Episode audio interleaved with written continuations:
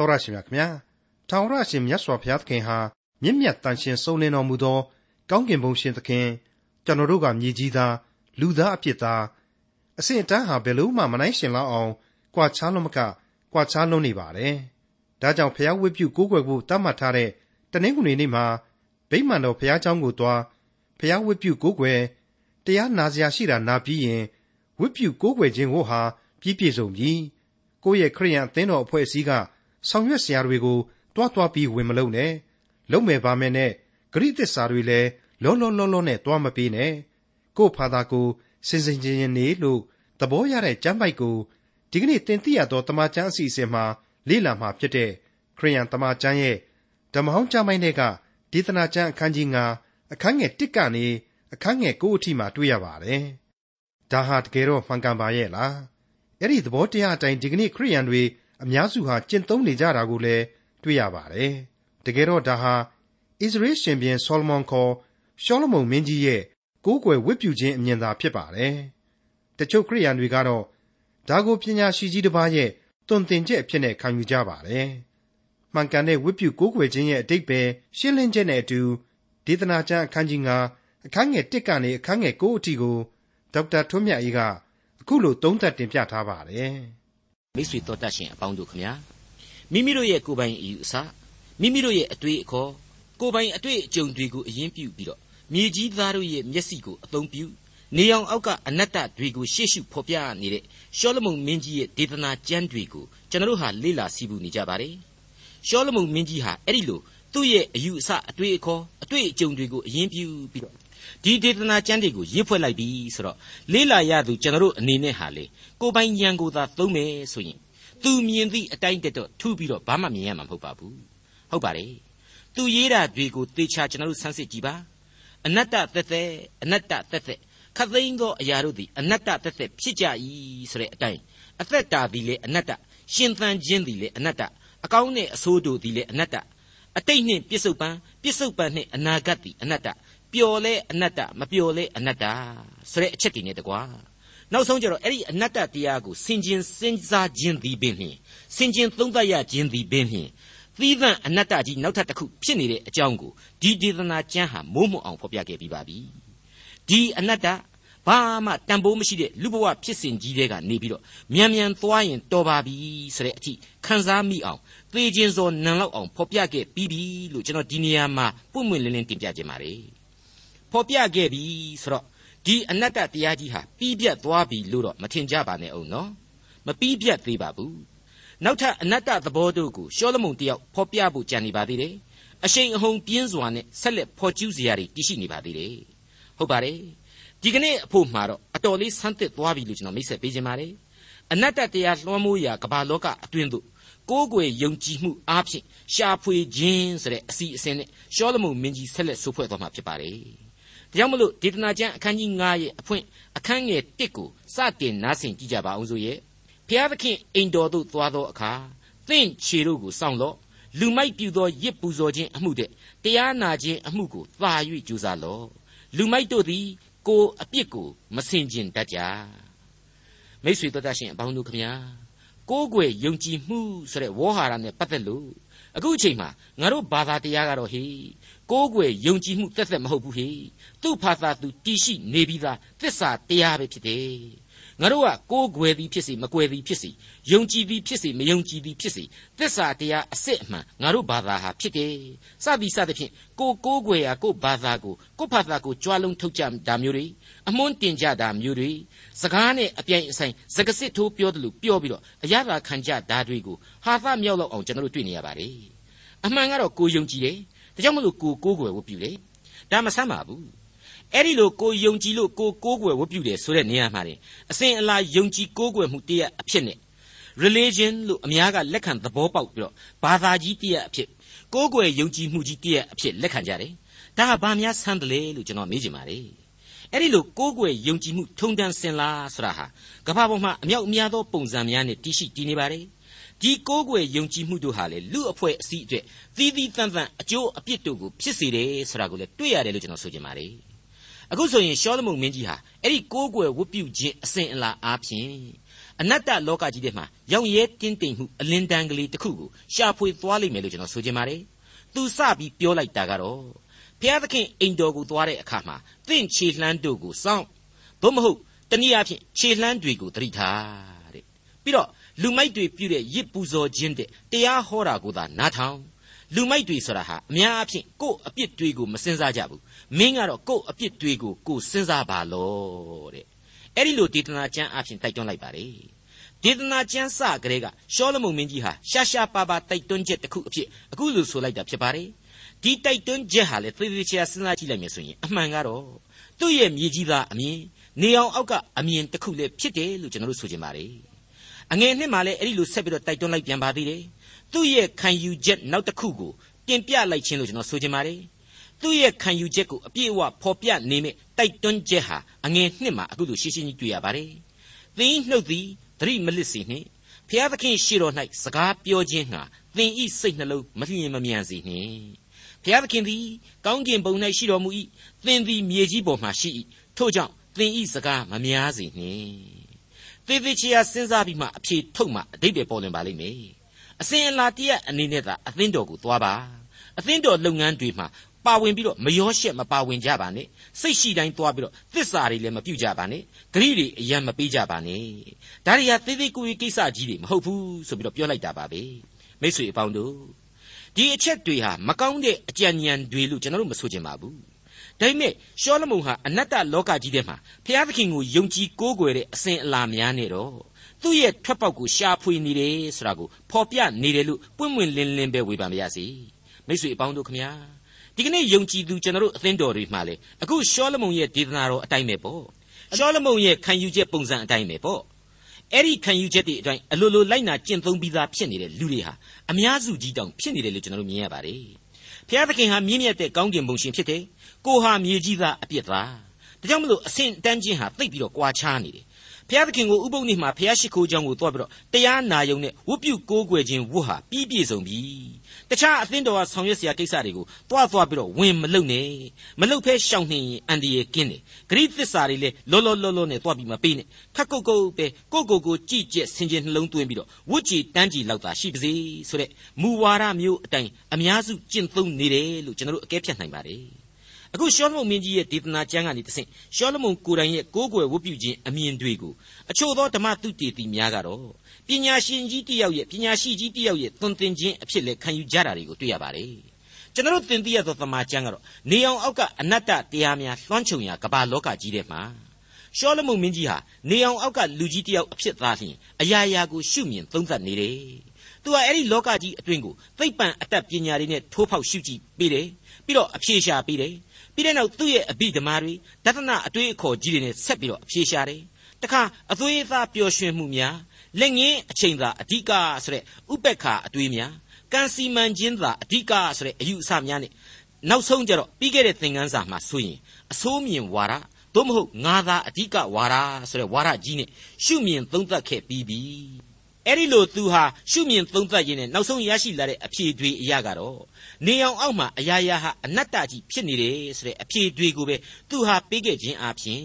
အခုကျွန်တော်တို့လေ့လာနေတဲ့အခန်းကြီး9ထဲကတိုက်တွန်းချက်တွေဟာလေမြေသားဆန်တဲ့တိုက်တွန်းချက်တွေပဲဖြစ်တယ်လို့ဆက်လက်သုံးသပ်ပါတယ်တစ်ချိန်တည်းမှာအဲ့ဒီလိုသူ့ရဲ့ကိုးကွယ်ဝတ်ပြုခြင်းခံယူချက်တွေဟာလေသူ့ရဲ့အနတ္တတရားလောကကြီးတဲ့ကထွက်ပေါက်အဖြစ် သူကျင့်သုံးခဲ့တဲ့ကိုးကွယ်ခြင်းပုံစံတွေလည်းဖြစ်လိမ့်မယ်လို့ပြည့်ပြည့်ဝဝခံယူထားပါတယ်ဘယ်လိုပဲဖြစ်ဖြစ်အကုန်လုံးကိုအနတ္တကြီးပဲမြင်ရကနေပြီးတော့ဘုရားသခင်ကိုသူကိုးကွယ်တယ်သူ့ရဲ့ယုံကြည်ချက်တွေကိုဆက်ပြီးတော့ဖော်ပြတယ်ဆိုတာဟာလေမကောင်းဘူးလားလို့မေးမယ်ဆိုရင်တော့ကောင်းမွန်တယ်လို့ကျွန်တော်တို့ဖြေရမှာအမှန်ဖြစ်ပါတယ်အခုချိန်မှာသူဖော်ပြခဲ့တဲ့ခြေလှမ်းတွေကိုသတိထားလူမိုက်တို့ရဲ့ရစ်ပူဇော်ခြင်းတဲ့နားထောင်ခြင်းကိုသာပြုကိုယ့်အပြစ်ကိုသာကိုယ့်ဘာသာကိုဆင်ခြင်စဉ်းစားနှုတ်ကိုစောင့် ဂရိသစ္စာတွေကိုအယံသွားပြီးမပေးနဲ့ဆိုတဲ့အချက်တွေနဲ့ပတ်သက်ပြီးတော့နှုတ်ကပတ်တော်ရဲ့အခြားသောသွန်သင်ချက်တွေနဲ့ညှိပြီးတော့ကြည့်မယ်ဆိုရင်လေလျော်ကန်သင့်မြတ်သောဒေသနာဩဝါဒအချို့အဖြစ်ခံယူနိုင်လိမ့်မယ်လို့ကျွန်တော်ထင်ပါတယ်ဥပမာဆိုရမယ်ဆိုရင်လူမိုက်တို့ရဲ့ရစ်ပူဇော်ခြင်းတဲ့ဘုရားသခင်စကားကိုနားထောင်ခြင်းသည်သာ၍ပို၍အရေးကြီးသည်ဆိုတဲ့အချက်ကိုဓမ္မရာဇဝင်ထဲမှာရှင်းရှင်းကြီးကျွန်တော်တို့ကြားနာခဲ့ရပြီးပါပြီဓမ္မရာဇဝင်ပထမစာဆောင်အခန်းကြီး25အငယ်22နဲ့23မှာ ရှမွေလဟာရှောလုဘရင်ကိုဘယ်လိုပြောခဲ့သလဲဆိုတာကိုအခုလိုကျွန်တော်တို့ပြန်ပြီးတော့ဆင်ခြင်နှလုံးသွင်းနိုင်ပါတယ်ရှမွေလကလည်းထာဝရဘုရား၏အမိန့်တော်ကိုနားထောင်ခြင်း၌အာရတော်မူတဲ့ကဲ့သို့မိရှုရာရစ်အစရှိသောရစ်မျိုးတို့ကိုပူဇော်ခြင်း၌အာရတော်မူမည်လောအလိုတော်သို့လိုက်ခြင်းသည်ရစ်မျိုးတဲ့သာ၍ကောင်း၏နားထောင်ခြင်းသည်သိုးရီစီဥတဲ့သာ၍ကောင်း၏ညင်းဆန်သောသဘောသည်နတ်ဆိုးနှင့်ပေါင်းခြင်းကဲ့သို့၎င်းခိုင်မာသောသဘောသည် ဘေရင်တစားကိုသုံးခြင်းကဲ့သို့၎င်းအပြစ်ကြီး၏သင်သည်ထာဝရဘုရား၏စကားတော်ကိုပယ်သောကြောင့်ထာဝရဘုရားသည်ရှင်ဘရင်အရာကိုနှုတ်၍သင်ကိုပယ်တော်မူပြီဟုဆို၏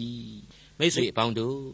အဲ့ဒီလိုအတိတ်သင်ခန်းစာအတိုင်းရှောလမုန်ဟာပြန်လဲပြီးတော့ဆင်ကျင်သတိရခြင်းဖြစ်လိမ့်မယ်ကောင်းသောအကျင့်တလေကိုလိုက်နာခြင်းဖြစ်တယ်လို့ကျွန်တော်တို့မြင်နိုင်ပါတယ်အဲ့ဒီတိုင်းမှာပဲကိုယ့်အပြစ်ကိုကိုဟာပြန်လဲသတိရခြင်း အောက်မေ့ဆင်ခြင်ခြင်းဆရာဟာလေသူ့ဖခင်ဒါဝိမင်းကြီးကိုယ်တိုင်ကအားပေးခဲ့တဲ့အမှုဆရာကိုဆာလံတီချင်းတွေအရာကျွန်တော်တို့ရှင်းလင်းစွာတွေ့နိုင်ပါသေးတယ်အထူးသဖြင့်ဆာလံတီချင်းအမှတ်စဉ်၄ရဲ့အငယ်၁ကနေ၅အတွင်းမှာပြန်ပြီးတော့ကြည့်စီခြင်းပါတယ်အကျွန်ုပ်ကိုဖြောင့်မတ်စေတော်မူသောဖျားအကျွန်ုပ်ခေါ်သောအခါနားထောင်တော်မူပါအကျွန်ုပ်သည်ဆင်းရဲစဉ်တွင်ကိုတော်သည်ချမ်းသာပေးတော်မူပါပြီယခုလဲသနာ၍အကျွန်ုပ်၏ပတနာစကားကိုနားထောင်တော်မူပါ အချင်းလူသားတို့အဘယ်မျှကာလပတ်လုံးငါ၏ဘုန်းကိုရှုံချကြမည်နီအဘယ်မျှကာလပတ်လုံးအနတ္တကိုနှစ်သက်၍မှုသာကိုလိုက်ရှာကြမည်နီထာဝရဘုရားသည်မိမိတန်ရှင်းသူတို့ကိုရွေးထားတော်မူသည်ကိုသိမှတ်ကြလော့ငါခေါ်၍လျှောက်သောအခါထာဝရဘုရားသည်နားထောင်တော်မူလိမ့်မည်ကြောက်ရွံ့တုန်လှုပ်၍ဒုစရိုက်အပြစ်ကိုရှောင်ကြလော့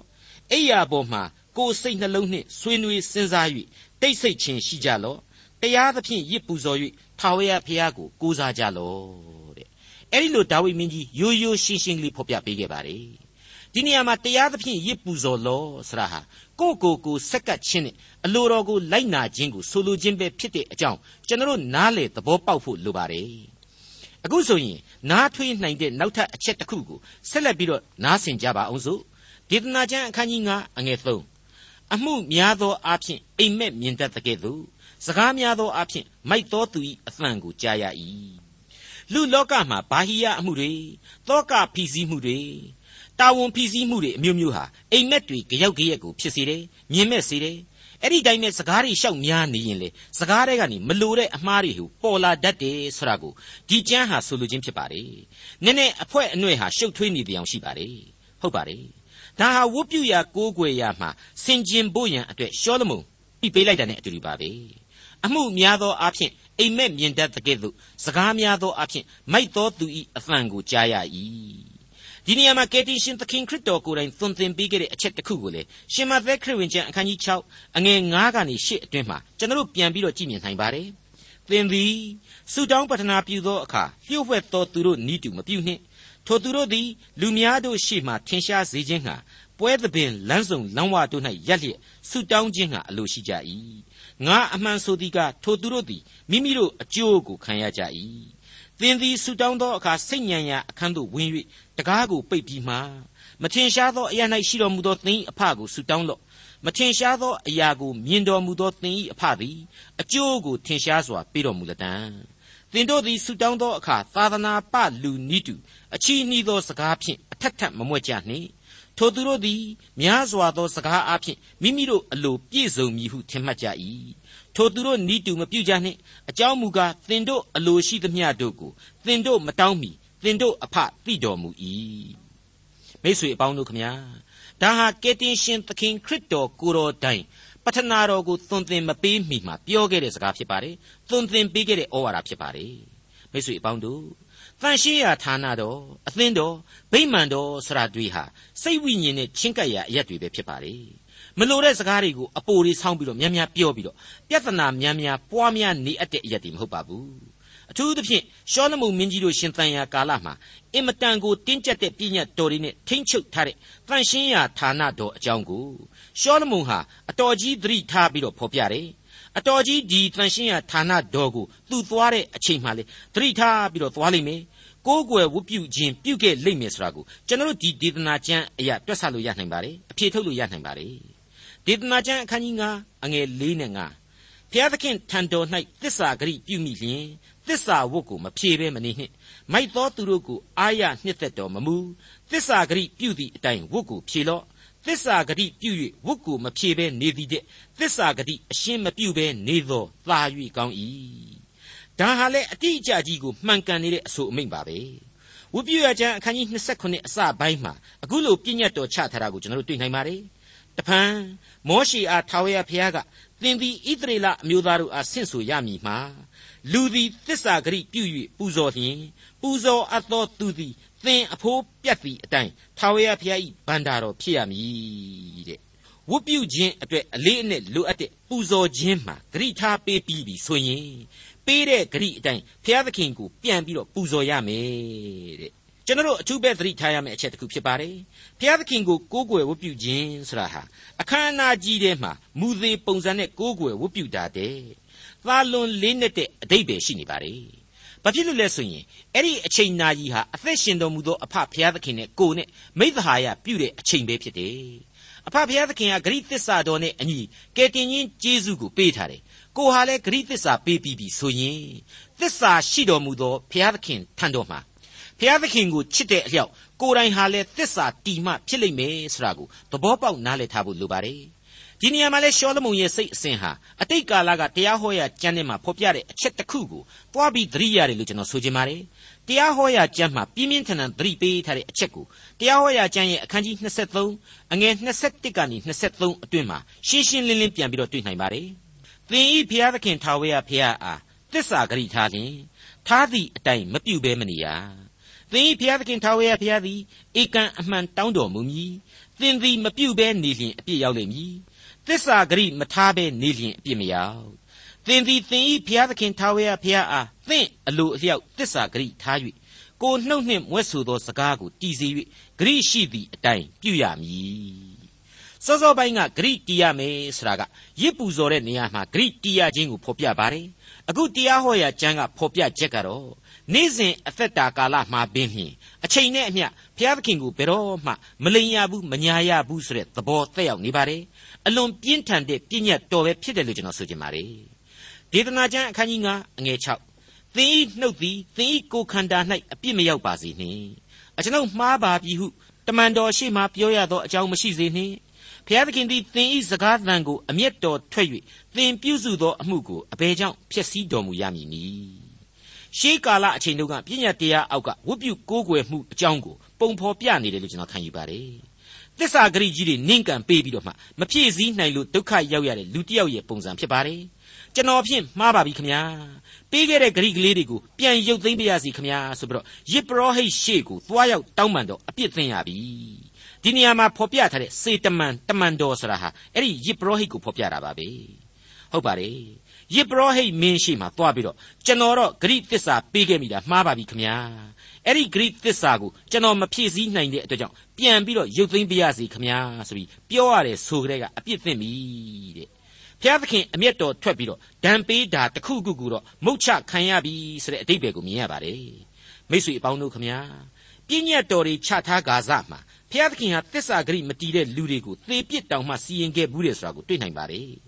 အလွန်အကဲဆက်လာတဲ့အချိန်မှာဘုရားသခင်တင်းကျပ်စွာသတိပေးခဲ့ခြင်းပဲလို့ကျွန်တော်ခံယူပါတယ်။ဒါကိုအမှတ်တရရှိနိုင်စေဖို့အတွက်အာယုံဆိုတဲ့မောရှေရဲ့အကိုယေဘရဟိမင်းကြီးရဲ့သားတွေရဲ့အပြစ်သင်ခြင်းအကြောင်းတွေကိုဝုပြရကျမ်းအခန်းကြီး30ရဲ့အစပိုင်းမှာတွေ့ခဲ့ရတဲ့အတိုင်းကျွန်တော်ပြန်လည်တင်ပြခြင်းပါတယ်။အာယုံဤသားနာဒတ်နှင့်အဘိဟုတို့သည်ကိုစီဆိုင်သောလင်ပန်းတို့ကိုယူလျက်မိကိုထည့်၍လောဘံကိုတင်ပြီးလျင် ထာဝရဘုရားမှားထားတော်မူသောမိမဟုတ်ထူးခြားသောမိကိုရှေ့တော်၌ပူဇော်၏ထိုအခါထာဝရဘုရားထံတော်မှမိထွက်၍သူတို့ကိုလောင်သဖြင့်ရှေ့တော်၌ပြေကြ၏ထိုအခါ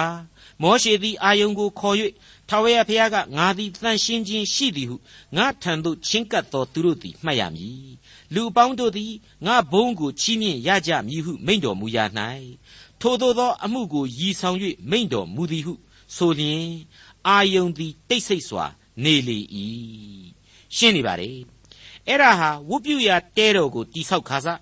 ဝုပြုခြင်းနဲ့ပတ်သက်တဲ့ပြည့်ညတ်တော်ရဲ့အရေးအောက်ကတင်းကျပ်သောဘုရားသခင်ရဲ့စီရင်တော်မူခြင်းရဲ့သက်သေပါပဲအဲ့ဒီအတိုင်းပါပဲဓမ္မသစ်ကာလရဲ့အသင်းတော်တို့တိဆောက်ခါစားအချိန်မှလဲပဲအခုလိုပဲပြင်းထန်စွာအပြစ်ပေးခဲ့ဘူးခြင်းတွေရှိခဲ့ဘူးပါတယ်ဒဖျားသခင်ကိုဂရိအတိုင်းမလှူဘဲနဲ့အလွဲသုံးစားလုပ်ခဲ့ခြင်းအတွက်အပြစ်စီရင်ခြင်းဖြစ်ပါတယ် ဒါကိုတမန်တော်ဝတ္ထုအခန်းကြီး9အငယ်1ကနေ7အတွင်းမှာကျွန်တော်ရှေလျားစွာပြန်လည်တွေ့မြင်နိုင်ပါတယ်အာနနိနဲ့ရှဖိရိဆိုတဲ့ယုံကြည်သူဇနီးမောင်နှံနှစ်ယောက်ရဲ့အကြောင်းပါမိတ်ဆွေအပေါင်းတို့ခမညာ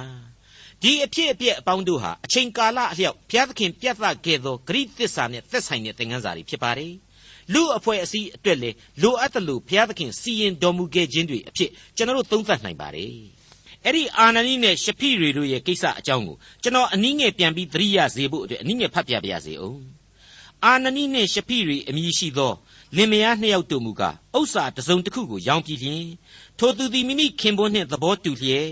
အဖိုးဤတဖို့ကိုထိန်ဝှက်သဖြင့်တဖို့ကိုသာယူဆောင်ခဲ့၍တမန်တော်တို့ဤခြေရင်း၌ထားလေ၏ပေတရုကလည်းအာနနီသင်သည်တန်ရှင်းသောဝိညာဉ်တော်ကိုလှည့်စား၍မြေကိုရောင်းသောအဖိုးဤတဖို့ကို ထိန်ဝှက်မိအကြောင်းစာရန်သည်သင်ဤစိတ်နှလုံးကိုအဘယ်ကြောင့်ပြည့်စေရသနည်းထိုမြေရှိစဉ်တွင် ကိုပိုင်သည်မဟုတ်လောရောင်းရရသောအဖိုးသည်ကိုဥစ္စာဖြစ်သည်မဟုတ်လောအဘယ်ကြောင့်ဤသို့ကြံစီသနည်းလူကိုယ်သာမှုသာပြောပြီမဟုတ်ဘုရားသခင်ကိုလည်းမှုသာပြောပြီဟုပေတရုဆို၏ထိုစကားကိုကြားလျင်အာနနိသည်လဲ၍သည်၏အဲ့ဒီလိုတွေ့ကြရခြင်းဖြစ်ပါလေ ဘုရားသခင်ကိုဘလောက်ဘလောက်ကျွန်တော်တို့လှူပါမယ်ဆိုပြီးဂရိပေးတယ်ပြီးတော့အဲ့ဒီဂရိကိုကိုယ့်ဟာကိုဖျက်ပစ်တယ်အဲ့ဒီမှာတင်အပြစ်သင်ကြရခြင်းပဲဒီကနေ့ဒီအချိန်မှဆိုရင်သမိုင်းကာလရဲ့ပုံစံအပေါင်းတို့ဟာတရသေးမိတ္တူကူးလို့ရတဲ့ပုံစံမဟုတ်တော့ဘူးဆိုတာထင်ရှားနေပါတယ်ဘုရားသခင်ဟာအသင်းတော်နဲ့ယုံကြည်သူလူအဖွဲ့အစည်းများလူသားများတဦးချင်းတို့အတွက်သူတို့ရဲ့ကျင့်စဉ်တွေမှာအမှားအယွင်းတွေဘလောက်ပဲရှိရှိသက်သာခွင့်အများကြီးပေးထားတယ်လို့ကျွန်တော်ထင်ပါတယ် သူ့ရဲ့နည်းနည်းသောအကြံအစီတော်နဲ့အလိုတော်ကိုကျွန်တော်တို့အတိအကျနားမလဲပါဘူးဒါပေမဲ့သူဟာအကျွင်းမဲ့ဆိုမှုသူအကျွင်းမဲ့အာနာရှိသူအပြစ်ပေးပိုင်သူဘုရားသခင်ဖြစ်တယ်မထီမဲ့မြင်ပြုလို့ရတဲ့အဖဖရားမဟုတ်ဘူးဆိုတာကိုတော့ကျွန်တော်မေ့ထားလို့မရနိုင်ပါဘူးမှန်ပါတယ်အခုရှောလမုန်မင်းကြီးဘယ်လိုဆက်လက်ဖော်ပြတယ်ဆိုတာကိုကြည်ပါဒေသနာကျမ်းအခန်းကြီး9အငယ်9အိမ်မက်များရာ၌၎င်း စကားများရာ၌၎င်းအချီးနှီးသောအကြောင်းအရာပါတတ်၏သင်မူကားဘုရားသခင်ကိုကြောက်လောတဲ့အခုဖော်ပြပေးလိုက်တဲ့အချက်ထဲမှာဒီသင်ခန်းစာတစ်လျှောက်လုံးမှာကျွန်တော်တို့ကိုမျက်လှည့်ပြတယ်လို့ဖျောက်ထားတဲ့အချက်ကလေးတစ်ခုပါဝင်လာပါပြီအဲ့ဒါကတော့အနတ္တဆိုတဲ့စကားကိုတမျိုးပြောင်းလဲပေးလိုက်တဲ့အချီးနှီးသောအကြောင်းအရာပါတတ်၏ဆိုတဲ့ထူးခြားသောအသုံးအနှုန်းကလေးပါပဲဒါဟာအမှန်တော့ကျွန်တော်တို့ဒီကနေ့သင်ခန်းစာမှာမျက်လှည့်ပြတယ်လို့ပျောက်ကွယ်နေတဲ့အနတ္တဆိုတဲ့ဝေါ်ဟာရပဲ ဟုတ်ပါတယ်အိမ်မက်သို့မဟုတ်ယူပါယုံများနဲ့စကားများခြင်းအလုံးတို့ဟာအနတ္တတွေဖြစ်နိုင်တယ်ဆိုတဲ့နောက်ထပ်အနတ္တရဲ့သဘောတစ်ခုပါမိတ်ဆွေဒီအပိုင်းမှာအိမ်မက်များဆိုတာဟာယူပါယုံများကိုဆိုလိုခြင်းဖြစ်တယ်လို့စကားများဆိုတာဟာလေကိုယ့်ရဲ့ဘဝအတွေ့အကြုံများကိုယ့်အသည့်တရားများဆိုတာကိုကိုစားပြုလိုက်တဲ့အတူတူပါပဲရှောလမုန်မင်းကြီးကသူ့ရဲ့ယူပါယုံခံစားချက်တွေတနည်းအားဖြင့်အတွေ့အမြင်တွေအဘိဓမ္မာတွေ ပြီးတဲ့နောက်မှာတော့သူ့ရဲ့အတွေ့အကြုံတွေအပေါ်မှာအနတ္တတရားတွေပါဝင်နေတယ်ဆိုတာကိုခံစားလာရတဲ့အတွက်ကြောင့်မို့လို့ကိုးကွယ်ယုံကြည်ခြင်းနိလန်းနဲ့အဲ့ဒီအနတ္တလောကကြီးကိုကြော်လွှားဖို့ကြိုးစားနေခြင်းပဲလို့ကျွန်တော်တို့တွေ့မြင်နိုင်ပါပြီကျွန်တော်ဏိဒန်းပြိုးတော့ကဖော်ပြခဲ့တယ်လို့ပေါ့သူဟာတစ်ချိန်လုံးသူ့ရဲ့အမြင်မှာအနတ္တတွေကြီးပဲဖြစ်နေတဲ့နေအောင်အောက်ကလူဘဝမှာအလင်းတန်းကလေးတစ်ခုကိုကိုးကွယ်ဝတ်ပြုခြင်းနီးနဲ့ရှာဖွေတွေ့ရှိသွားခဲ့ပြီလို့ကျွန်တော်ဆိုချင်ပါတယ် အခုအငယ်ခုနှစ်မှာဆက်လက်ဖော်ပြလိုက်တာကတော့အလွန်ရှင်းနေပါတယ်အိမ်မက်ယူပါယုံတွေဘဝအသည့်အမြင်အတွေ့အကြုံတွေဟာလေအနတ္တတွေပဲဖြစ်တာများပါတယ်ဒါကြောင့်မလို့ဘုရားသခင်ကိုကြောက်ရွံ့ယိုသေးတာဟာအကောင်းဆုံးပဲဆိုတဲ့အချက်ပါပဲမိတ်ဆွေအပေါင်းတို့မြေကြီးပြင်ပေါ်ကလူသားတို့ရဲ့ဘဝနေအောင်အောက်ကလူသားတို့ရဲ့ဘဝမိုးကောင်းကင်ပြပြအောက်ကလူသားတို့ရဲ့ဘဝဟာ ကိုယ်စိတ်ဝိညာဉ်ကိုတောင်းမှကိုယ်မယုံတတ်သလိုဘုရားသခင်အကြောင်းလာပြီးပြောတိုင်းလေနှုတ်ကပတ်တော်နဲ့သာတိုက်ဆိုင်ပြီးယုံရမယ့်ဘဝများသာဖြစ်ပါတယ်။ဒါကြောင့်မို့လို့လေအခုရှောလမုန်ဖော်ပြပေးလိုက်တဲ့အချက်တွေတဲကကိုမှန်တယ်ထင်တိုင်းမှန်ပါမလား။သစ္စာတရားမှဖြစ်ပါမလား။အနတ္တတရားများဖြစ်နေမှာလား။သို့မဟုတ်ဘာမှအနှစ်သာရနဲ့အတိတ်ပဲမရှိတဲ့အရာတွေလားဆိုတာကိုတိတိကျကျဆန်းစစ်ဖို့အမြဲလိုအပ်နေလိမ့်မယ်လို့ကျွန်တော်ဒီနေရာမှာဆိုချင်ပါတယ်။ ရှင်ယောဟန်ဩဝါဒစာပထမစာဆောင်အခန်းကြီး၄အငယ်1နဲ့2မှာအခုလိုဆိုထားတာရှိပါတယ်ချစ်သူတို့ခတ်သိမ်းသောစိတ်ဝိညာဉ်တို့ကိုမယုံကြနှင့်စိတ်ဝိညာဉ်တို့သည်ဖျားသခင်နှင့်ဆက်ဆိုင်သည်မဆက်ဆိုင်သည်ကိုစုံစမ်းကြလော့အကြောင်းမူကားမိစ္ဆာပရောဖက်အများတို့သည်ဤလောကသို့သွားကြပြီဖျားသခင်၏ဝိညာဉ်တော်ကိုအဘယ်သို့သိနိုင်သနည်းဟုမူကားလူစားတိအဖြစ်ကြွလာတော်မူသောယေရှုခရစ်ကိုဝန်ခံသောဝိညာဉ်မည်ဒီက ဖျားသခင်နှင့်ဆက်ဆိုင်၏အဲ့ဒီလိုဖြစ်ပါတယ်ကျွန်တော်ရဲ့အသက်တာရဲ့အမြင်တွေယူပါယုံတွေခံစားချက်တွေအကုန်လုံးဟာယေရှုခရစ်၌ဝန်ခံသောအမြင်နဲ့ယူပါယုံများသာဖြစ်နိုင်ကြပါစေယေရှုခရစ်၌သာတိဆောက်သောအတွေးအခေါ်နဲ့ခံယူချက်များဖြစ်နိုင်ကြပါစေလို့ကျွန်တော်ဆုတောင်းပေးလိုက်ပါတယ်ဒေသနာကျမ်းအခန်းကြီး9အငယ်၈ကြေးရွာ၌ဆင်းရဲသားတို့ကိုညှင်းဆဲခြင်း တရားလမ်းမှလွှဲ၍မတရားသဖြင့်အနိုင်အထက်စီရင်ဆုံးဖြတ်ခြင်းအမှုကိုမြင်လျင်ထိုသို့သောအကြံရှိသည်ကိုအံ့ဩခြင်းမရှိနှင့်ကြီးမြင့်သောသူတစ်ယောက်ကိုတယောက်ကြည်မှတ်တဲ့ကဲ့သို့အကြီးဆုံးအမြင့်ဆုံးသောသူသည်ကြည်မှတ်လျက်ရှိတော်မူ၏မိတ်ဆွေတို့တတ်ရှင်အပေါင်းတို့ခမညာဒီအပိုင်းဖော်ပြချက်တွေဟာစောစောပိုင်းကတခါပြန်ပြီးတော့ပေါ်ထွက်လာပြန်တဲ့အနတ္တလောကကြီးရဲ့သရုပ်ကိုဆက်လက်ဖော်ကျူးလိုက်တယ်လို့ကျွန်တော်ဆိုချင်ပါတယ်တရားမျှတခြင်းအရှင်းမရှိ အကျဉ်းသာတရားကင်းမဲ့လျက်ရှိသောလူအဖွဲ့အစည်းအတွင်းကကြောက်ခမန်းလိလိအဂရိလိုက်စားမှုတွေခေါင်းပုံဖြတ်ခြင်းတွေညှာတာခြင်းကင်းမဲ့ခြင်းတွေအကြောင်းကိုဖော်ပြလိုက်တယ်လို့ဒီနေရာမှာမြင်နိုင်ပါတယ်မိတ်ဆွေအပေါင်းတို့ခမညာရှောလမုန်ဘယင်ကြီးဟာဧကရစ်ဘယင်ကြီးဖြစ်စီကမူဒီအနတ္တမြင်ကွင်းကြီးကိုမြင်ရတဲ့အချိန်မှာငုတ်တုတ်ထိုင်ပြီးကြည်နေရတာကလွဲလို့သူဟာနိုင်နှင်းအောင်မတော်လှန်နိုင်တာမအုပ်ချုပ်နိုင်ဘူးဆိုတာဟာထင်ရှားနေတယ်လို့ကျွန်တော်ဆိုချင်ပါတယ် ဒါကြောင့်မလို့ဘုရားသခင်ဟာဒါတွေကိုသိနေတော်မူတယ်ဆိုတာကိုရှောလမုန်ဟာဝန်ခံလိုက်တာပဲဖြစ်ပါတယ်မိတ်ဆွေ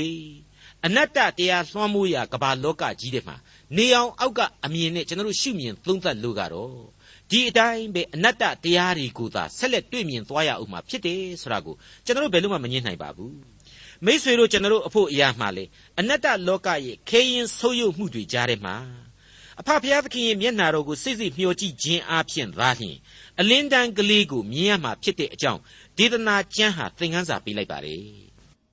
ဒေါက်တာထွန်းမြတ်ရေးစီစဉ်တင်ဆက်တဲ့တင်ပြတော်တမချန်းအစီအစဉ်ဖြစ်ပါတယ်နောက်တစ်ချိန်အစီအစဉ်မှာခရိယန်တမချန်းရဲ့ဓမောင်းကျမ်းပိုင်းတွေကဒေသနာကျမ်းအခန်းကြီး9အခန်းငယ်10ကနေအခန်းငယ်20အထိကိုလေ့လာမှာဖြစ်တဲ့အတွက်စောင့်မျှော်နားဆင်နိုင်ပါတယ်။